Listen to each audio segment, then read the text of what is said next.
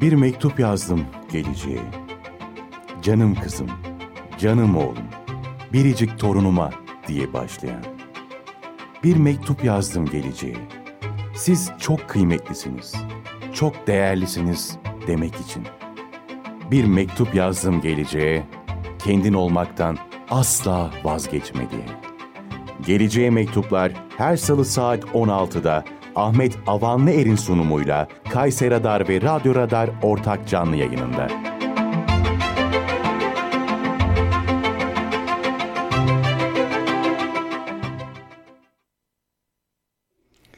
Efendim merhabalar.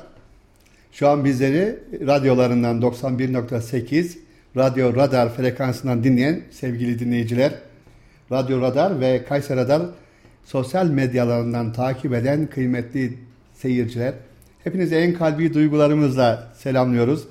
Gününüz, ömrünüz bereketli olsun inşallah.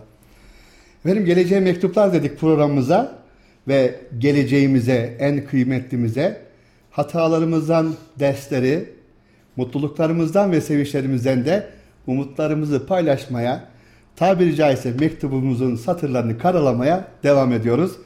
Bugün konumuzu kalabalıklar içinde yalnızlık olarak seçtik ve çok kıymetli bir konuğumuzu misafir ediyoruz.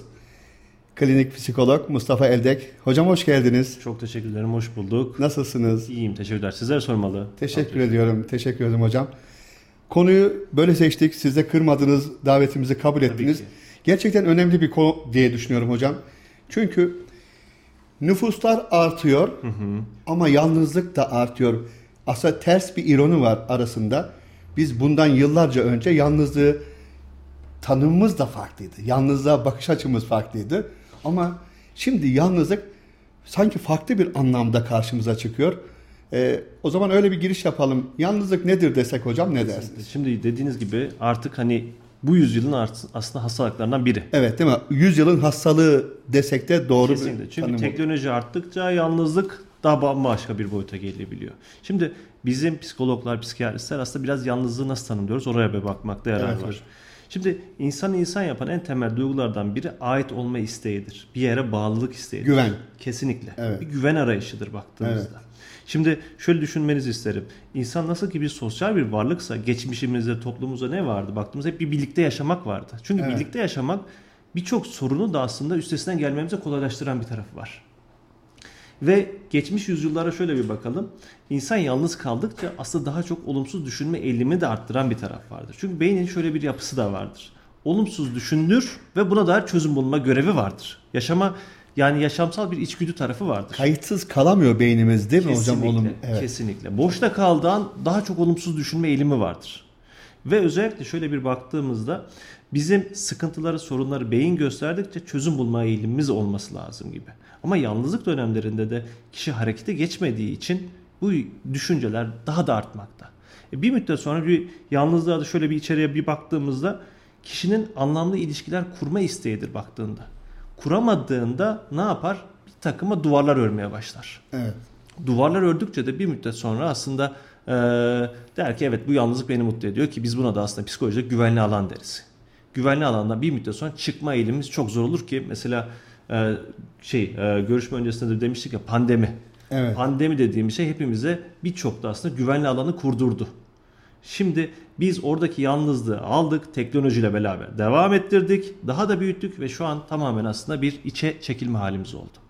Biz onu güvenli alan olarak algılıyoruz değil mi? O yalnızlığı sanki o güven duygusunu tatmin ettiğimiz yer olarak mı algılıyoruz? Kesinlikle. Hocam? Zaten şöyle bir şey midir? İnsan kurallar bütündür. Evet.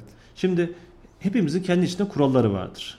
Ve bu kurallarda yalnızlığımız içerisinde istediğimiz gibi yürütebiliriz baktığımızda. Evet. Ama ne oluyor?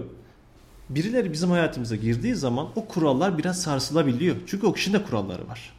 Ve bu kurallar çarpışınca diyorum ki Aa, benim yalnızlığım daha değerliydi. Burada hmm. ne başlıyor? Diyorum ki yalnızlık daha güzelse diyorum o tarafa yönelmeye başlıyorum ama insan insan yapan şey de anlaşılmaktır baktığında. Çok doğru. E şimdi Şöyle Takdir edilme duygusu. Kesinlikle, evet, kesinlikle hocam. onaylanmak. Onaylanma. Birçok şeyi aslında bizim o evet her şey iyiyken iyidir, güzeldir baktığımızda. Ama sıkıntı anlarında insan birinin varlığına ihtiyaç duyuyor. Evet. Anlaşılmaya ihtiyaç duyuyor, konuşulmaya ihtiyaç duyuyor. Bizim de en güzel şunu sağlamamız lazım. Yatırım yapmamız lazım. Ya. Yani insana yatırım yapmamız lazım. Baktığımızda şu anki göz temasımız. Bu bir yatırımdır baktığımızda. Bizim bunlara daha çok odaklandığımızda yalnızlığın büyüsü de aslında yavaş yavaş kırılabiliyor diyerekten başlayalım. Evet, evet hocam. Yani önceden evlerimizin içerisinde hani e, çekirdek aile kavramında büyük anneler vardı, büyük babalar vardı. Kesinlikle. Yani biraz daha kalabalıktı. Ama hocam mutluluk da keza ona göre fazlaydı. Çünkü danışacağımız kişiler vardı, sığınacağımız limanlar vardı. Kesinlikle. Zaman içerisinde sanki teknoloji gelişti, hayat gelişi, daha modern bir hayata başladık derken kendimizi yalnızlığa ittik. Bunu da ezberden söylemiyoruz. Tüm dünyadaki gelişmeler, istatistikler bize bunu gösteriyor. Kesinlikle. Burada zaten şöyle bir şey de var. Sanki bir uçtan bir uca kaydık gibi oldu. Değil mi? Yani e, aile bütünlüğü bağlarımız güve, güçlüydü. Akrabalık ilişkilerimiz, derdimiz, sıkıntımızla konuşabilirken şimdi en uca kaydık. Ne oldu? Hocam sosyal medyalara bakıyoruz. Daha çok oralarda vakit geçiriyoruz. Beğenilerdir, o like'lardır derken hocam bunları alabiliyoruz çok mutluyuz gibi oldu. Ya mutluluğu like'ta arar olduk. Yani çok Kesinlikle. büyük sıkıntı oldu. Hocam peki bu hali bizi ne getirdi? Yani benim merak ettiğim konu ya bir şeyler gidiyordu. Yani ben işte e, yaşım ortaya çıkmasın geçmiş zaman e, bir anda bir zaman tünelinden geçtik sanki. Bakış açılarımız değişti, kavramlar değişti. E, işte like alamazsak mutsuz olan hatta bir tabir duydum. Fear of missing out denen FOMO denen bir rahatsızlık var ve klinik tedaviler başlamış artık. Kesinlikle çok doğru. İnsan sosyal medyadan, dijital platformdan uzak kaldığı zaman bir şeyleri kaçırıyorum hissi artık öyle bir mutsuzluğa sebep olmaya başlamış ki e, klinik tedaviler alınan e, büyük hastanelerde böyle klinikler Tabii, tabii. açılmış. Kesinlikle. Bu daha çok zaten baktığımızda bu işin başlangıcı nerelerde diye gittiğimizde Amerika'ya gidiyoruz gibi. Ya. Yani niye? Ee, teknolojinin gelişmiş olduğu Japonya mesela. Amerika. Baktığımızda orada daha bireyselleşme üzerine daha da kalıplar fazladır. İşte nedir? Hailerin daha güçlü olsun şunlardır. İşte bireysellik figürleri bir anda artıyor ki yalnızlığın mesela sebebi dediniz hani baktığımızda. Ne- neden bu hale geldik? Evet, yalnızlığın sebebine baktığımızda ilk önce bizi beklentiler bu hale getirebiliyor. İşte nedir? Karşı taraf beni anlayacak mı, anlamayacak mı? Karşı taraf benden mutlu olacak mı, olmayacak mı gibi bak düşüncelerden biz harekete geçemeyiz bir müddet sonra. Ama sosyal medya çok daha kolay. Şu an telefonum var mı? Var elimde. İstediğim zaman kapatırım, istediğim zaman açarım. İstediğim zaman cevap veririm, istediğim zaman vermem. Yaptırım gücü de hafif. O giderse öbürü gelir. Bu çok kıymetlendiriyor işte öbür Evet tarafı. evet. Ha şunu anlıyorum hocam. Mesela ben annemden, babamdan, arkadaşlarımdan alacağım o takdir duygusunu hiç tanımadığım, yüzlerce insandan aldığım like'ta o hazzı yaşadığım için o alan bana daha Kesinlikle. güvenli gelmeye çalışıyor ki büyük bir yanılgı bu. Kesinlikle. Çok büyük bir yanılgı. Bu zaten şöyle bir tehlikeli yanı da var. Bizim psikolojide bağlanma kuramlarımız vardır. Yani anne, çocuk, işte baba ilişkilerinde bir sağlam bir bağlılık yoksa, güvenli bir bağlanma yoksa güvensiz bağlanma dediğimiz çeşitli bağlanma figürleri doğurur. Şimdi güvensiz bağlanmada ne gibidir? İşte kaygılı bağlanma, kaçıngan bağlanma, reddedici bağlanma gibi içinde çok çeşitli bağlanma stilleri vardır. E şu anda da baktığımızda 10-13 yaş grubu ya da 4 yaşındaki çocuklar bile yani YouTube'u kullanmayı biliyor baktığımızda. Sosyal medyayı kullanmayı biliyor baktığımızda. E, biz ama birçok şeye karşı daha temkinli yaklaşabiliyoruz. Çünkü biz yeni yeni öğreniyoruz. Yeni yeni keşfedebiliyoruz gibi oluyor. Ama onlar direkt içine büyüyor. Evet. Ve- O- onlar için bir yenilik değil. O hayatın doğal akışında olan Kesinlikle. Yani şöyle bir şey var ya. Hani jenerasyon farkı deniyor ya Evet. baktığımızda X, Y, Z kuşakları Evet. gibidir.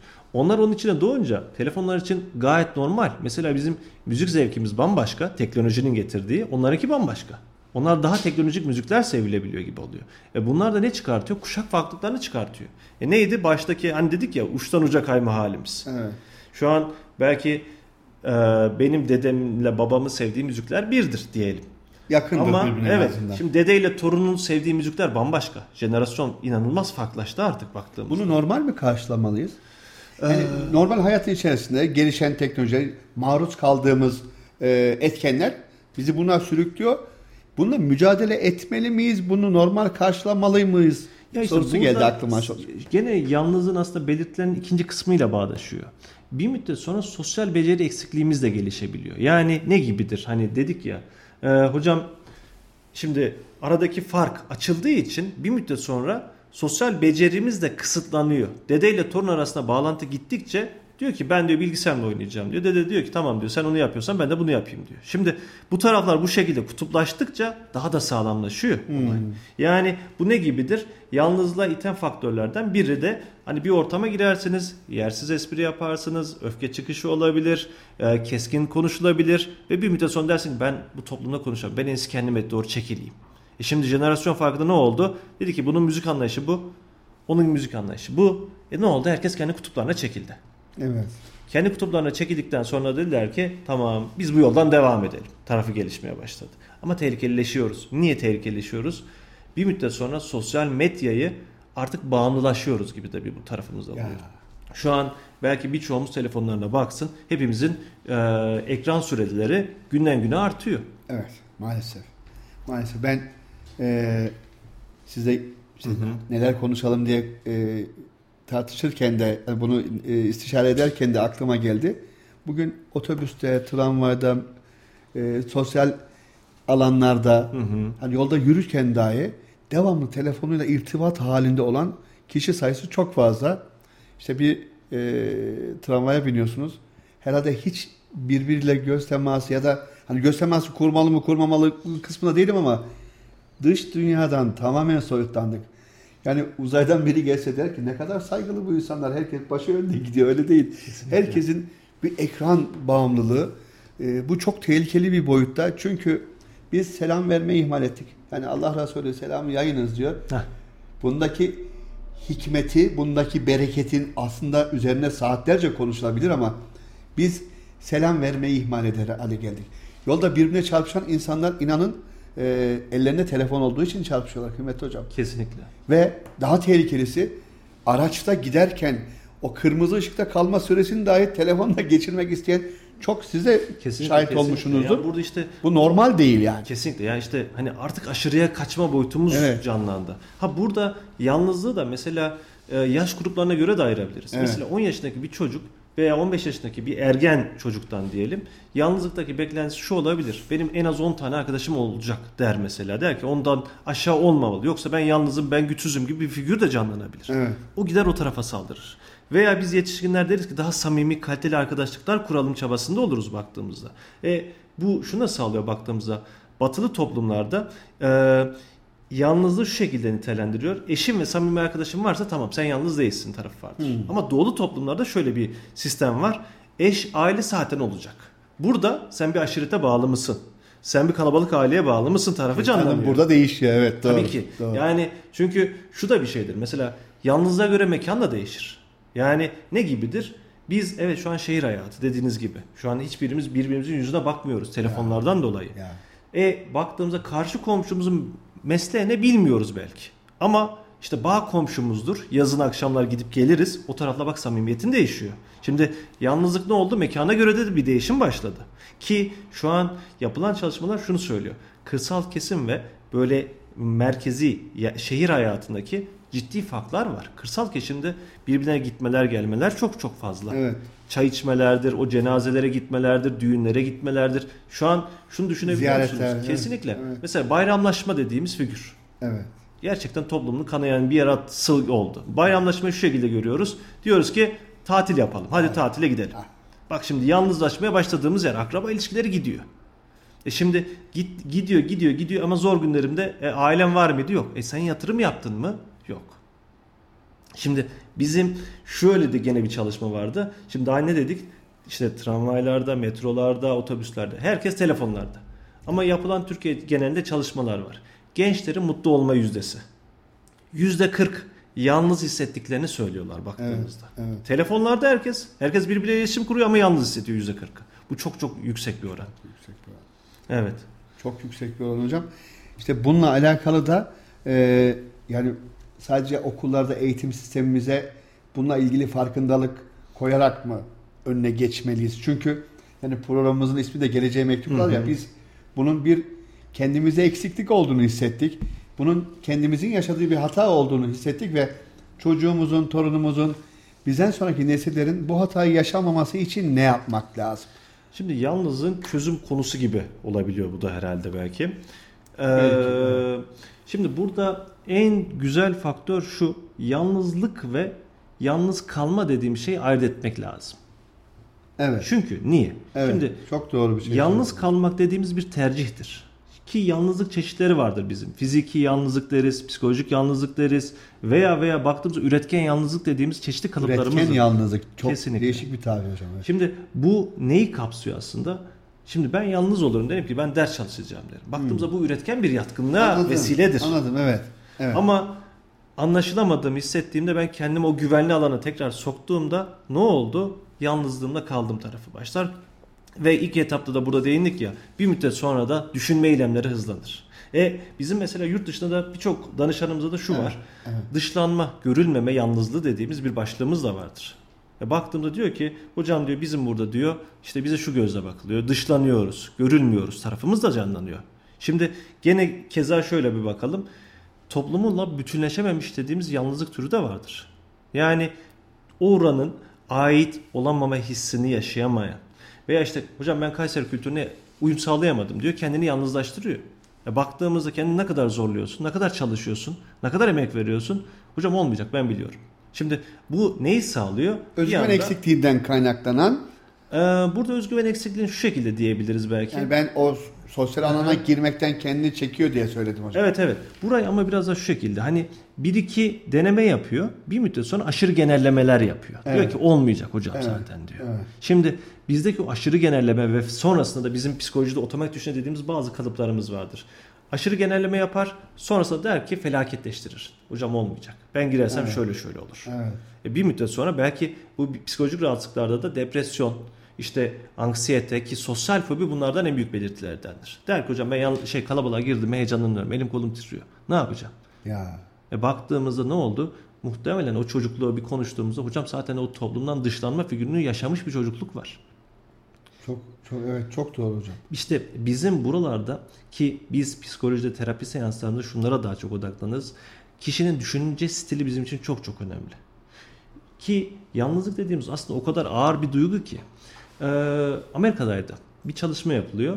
İnsanlara e, diyorlar ki sizler hepiniz ayrı ayrı odada duracaksınız deniyorlar.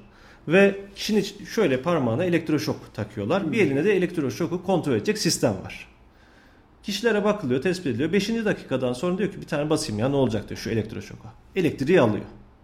Sonra o yalnızlık zamanlarında vakti nasıl geçireceğini bilmiyor. Düşüncelere dalıyor. Yapacak hiçbir şey yok. Telefon yok bak. Buradaki en büyük faktörlerden biri. Kişi kendi canını acıtma eğilimi daha da arttı gözüküyor yapılan çalışmada.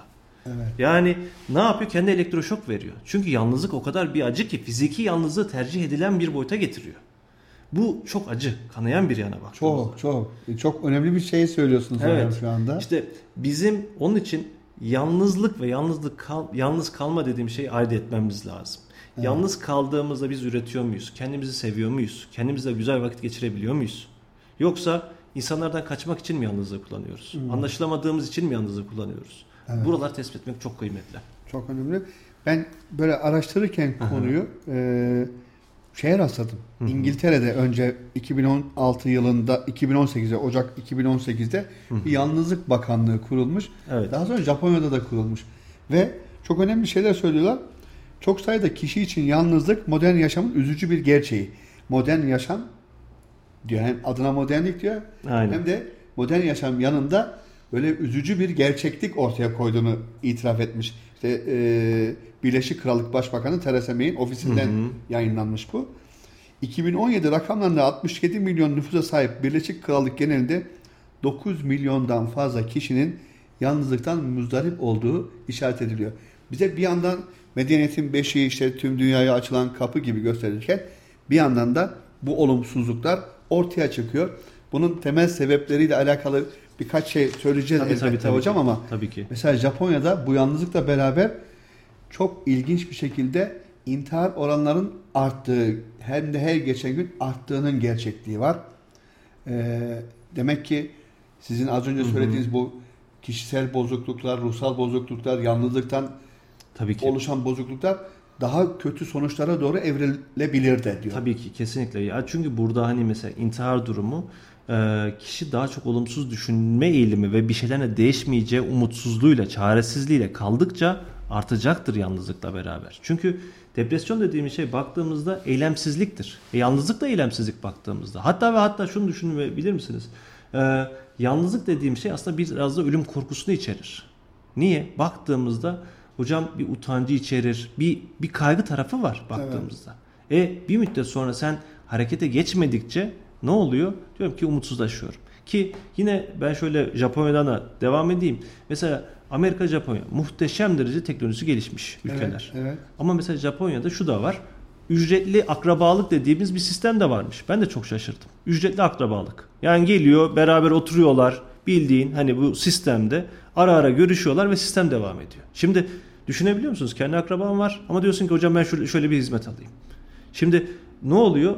Bir müddet sonra Amerika'da veya İngiltere'de işte dediğiniz yalnızlık bakanlığı kuruluyor. E Japonya'da bu tarz eylemler başlıyor. İntihar oranları artıyor. Çünkü bu bir ihtiyaç olmaya başlıyor. Kesinlikle. Hocam şudur. Çocuk dediğin şey sevilmeye muhtaçtır. Evet. Yetişkin dediğin şey de anlaşılmaya muhtaçtır. Çok güzel.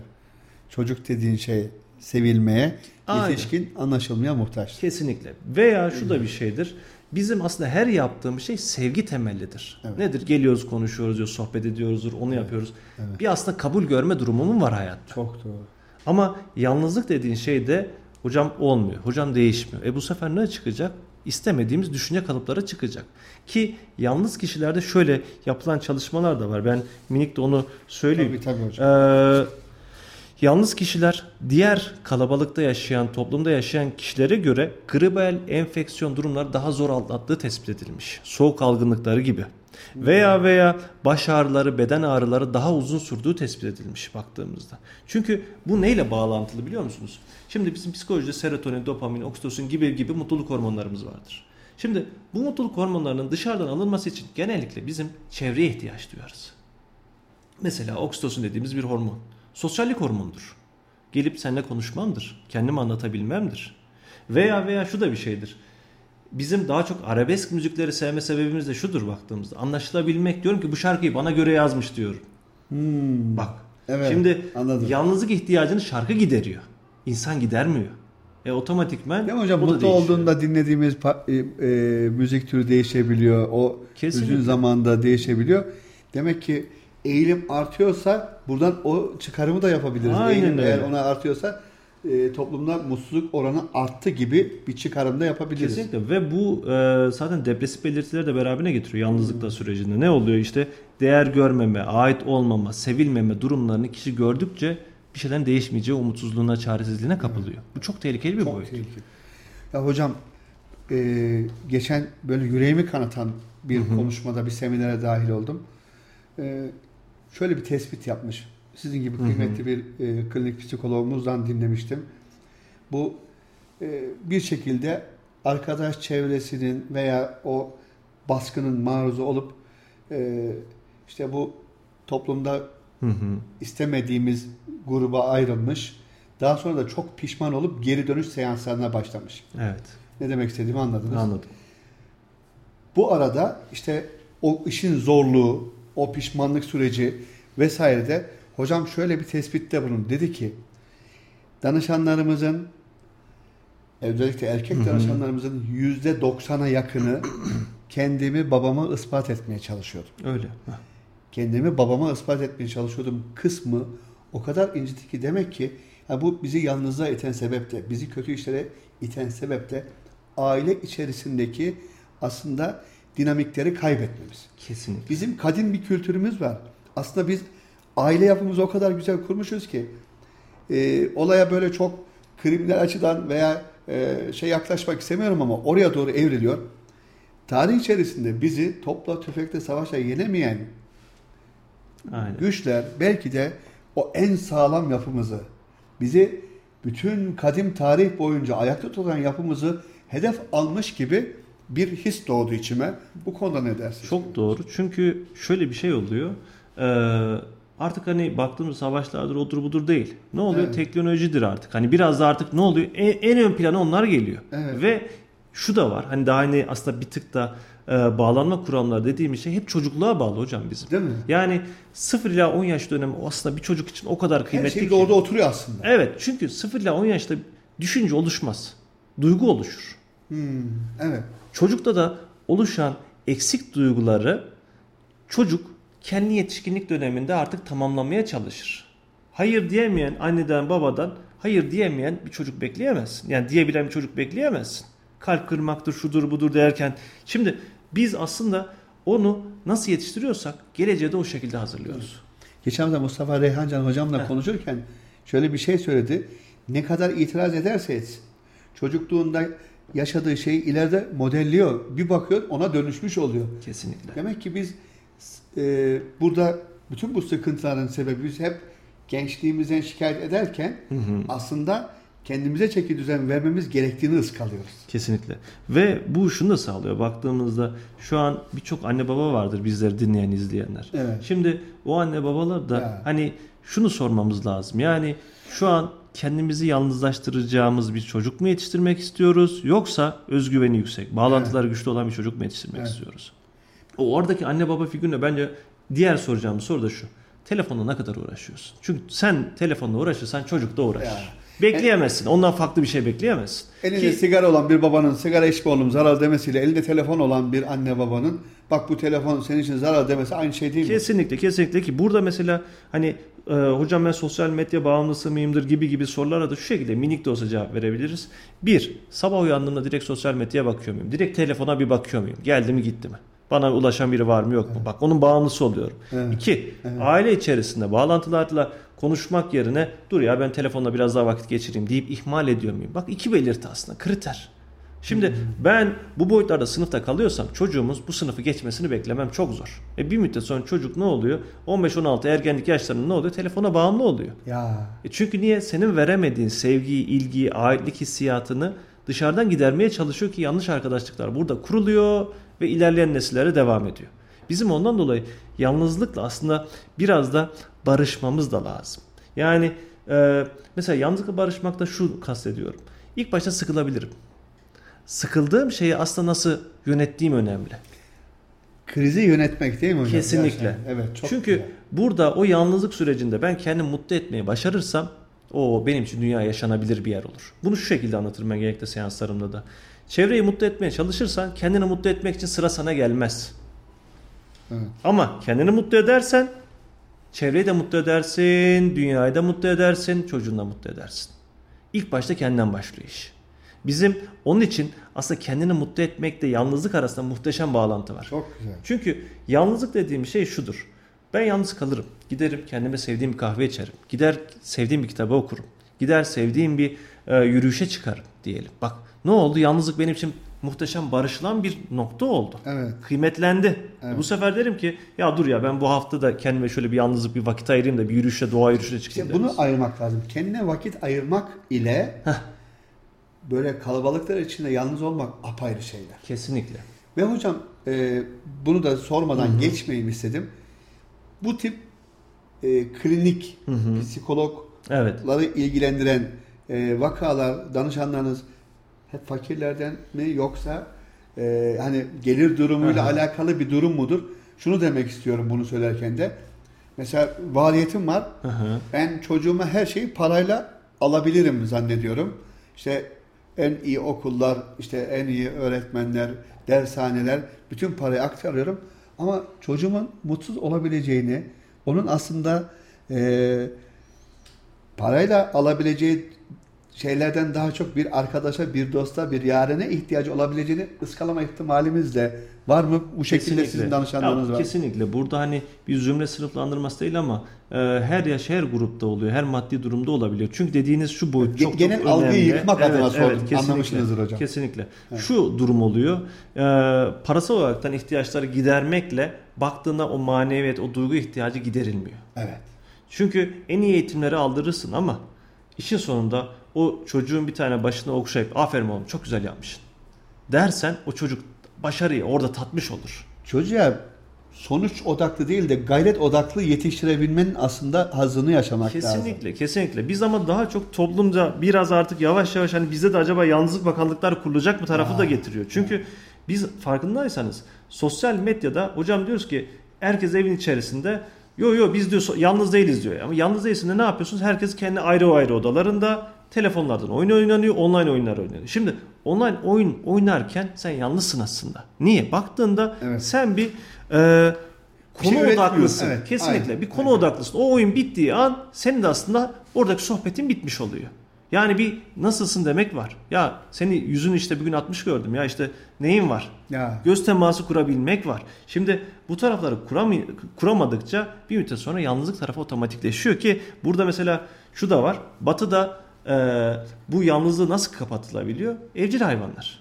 Hmm, evet. Baktığımda diyorum ki hocam ben diyor tek yaşıyorum diyor ama bir kedim var köpeğim var. Tamam çok güzel ama yalnızlık ihtiyacını o taraf gideriyorsa bu tehlikeli. Bu da başka bir sıkıntı. Tabii ki. Bu da başka yani bir sıkıntı. E, oradaki duygunu, düşünceni kedi köpek değil insan anlayacak baktığında.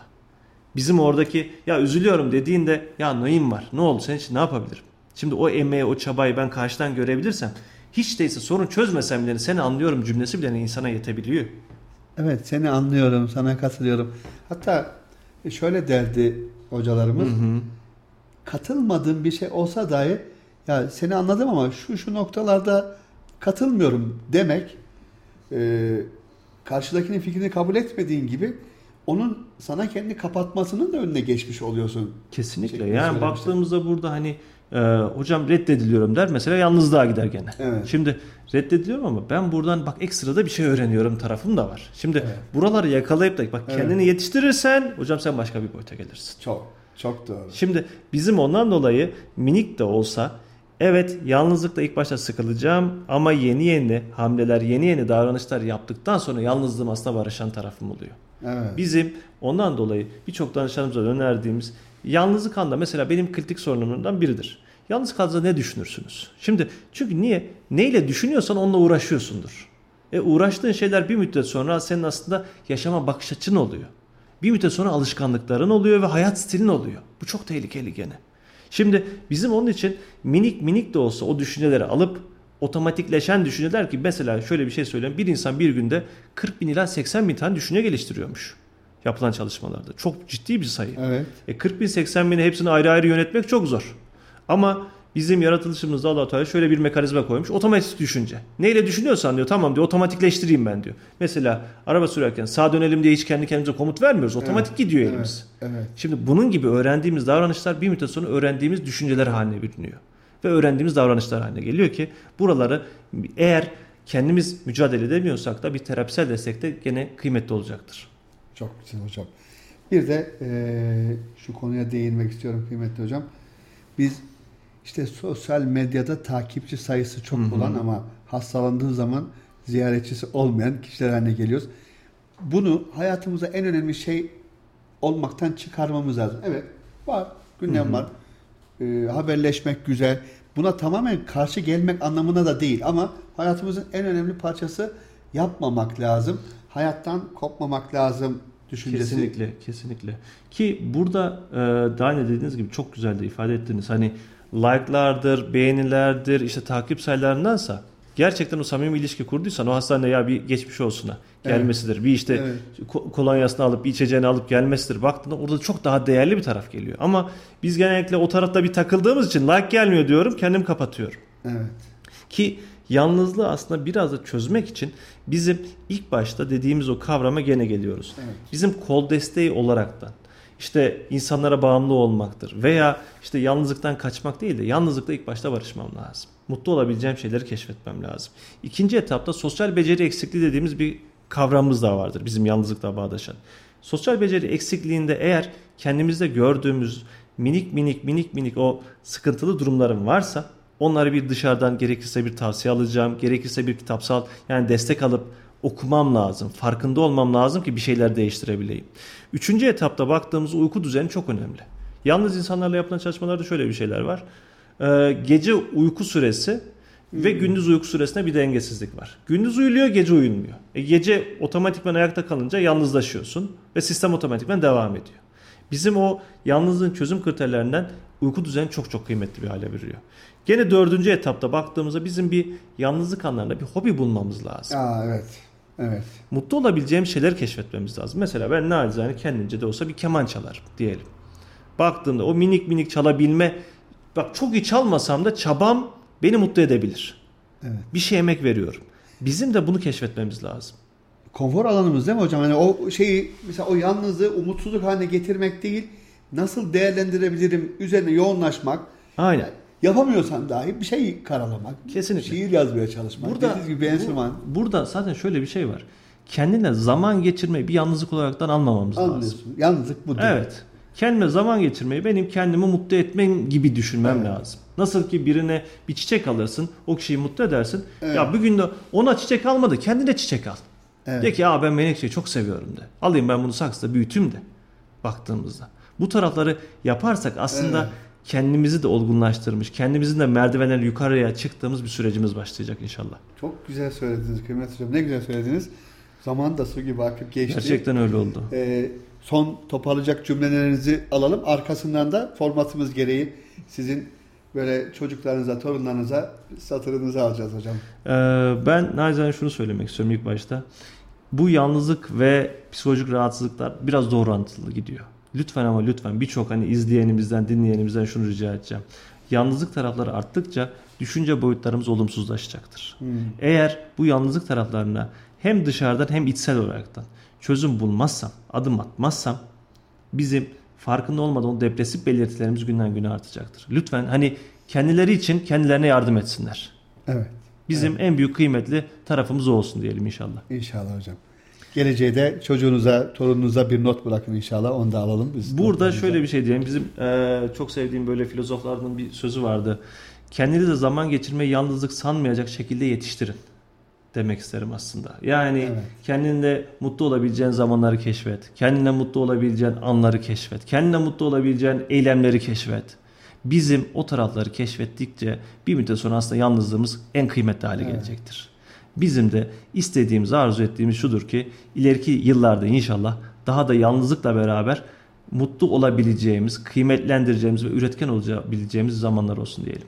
Çok güzel. Çok teşekkür ediyoruz. Ben teşekkür ederim. Hocam ne kadar e, güzel, kıymetli bilgiler aldık. Valla ee, zaman su gibi aktı geçti. Benim çok, için de keza. Çok teşekkür ediyorum. Evet o zaman şöyle e, bu haftaki satırımızı şöyle karalayalım. Yavrucuğum geleceği sen inşa edeceksin. Yalnız olmakla yalnız kalmayı ayırt et mutlaka ve hiçbir zaman hiçbir zaman umutsuzluğa kapılma. Dost bul, dost ol ve başkalarının da yalnızlığını paylaşan insan ol inşallah diyoruz. Rabbim ömür verirse haftaya buluşmak üzere. Hepinize Allah'a ısmarladık diyoruz.